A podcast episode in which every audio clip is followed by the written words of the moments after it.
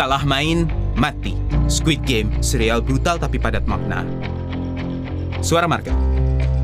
Ini adalah tentang serial yang terinspirasi dari permainan anak kecil di Korea Selatan. Bukan sebuah permainan riang penuh canda tawa, serial ini merupakan drama thriller dan brutal. Squid Game Aturan mainnya mengerikan. Setiap peserta yang kalah dalam permainan ini akan mati dengan tragis. Fakta menarik dari Squid Game yang saat ini tayang di Netflix adalah penulisan naskahnya sudah dibuat 13 tahun silam. Namun saat itu tidak diproduksi karena pertimbangan sadisme. Belakangan Netflix memberi kesempatan berupa kebebasan berkreasi untuk menggarap serial ini. Salah satu cermin hikmah dari serial Squid Game adalah sindiran atas kondisi sosial, khususnya mengenai masyarakat masa kini yang penuh persaingan.